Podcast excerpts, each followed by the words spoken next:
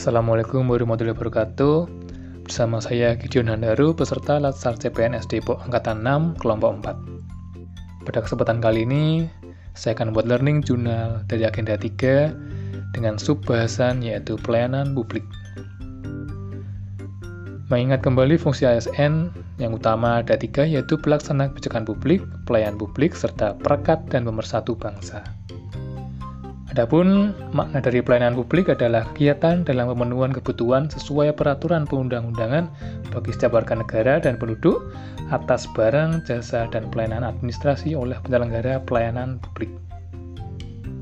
Adapun unsur pelayanan publik, yang pertama yaitu organisasi penyelenggara pelayanan publik, yang kedua penerima layanan, lalu yang ketiga adalah kepuasan pelanggan.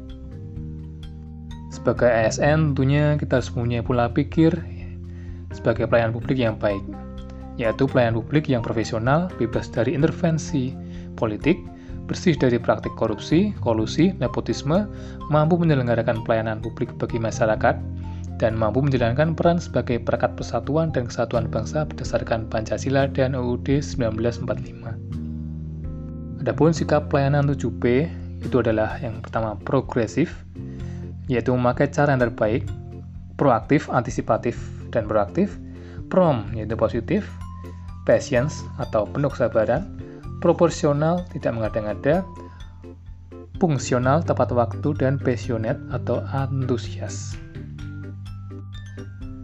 Lalu yang berikutnya adalah etiket pelayanan publik, yaitu mencangkut cara suatu perbuatan harus dilakukan, hanya berlaku dalam pergaulan, bersifat relatif, artinya yang dianggap tidak sopan dalam suatu kebudayaan, bisa saja dianggap sopan dalam kebudayaan lain.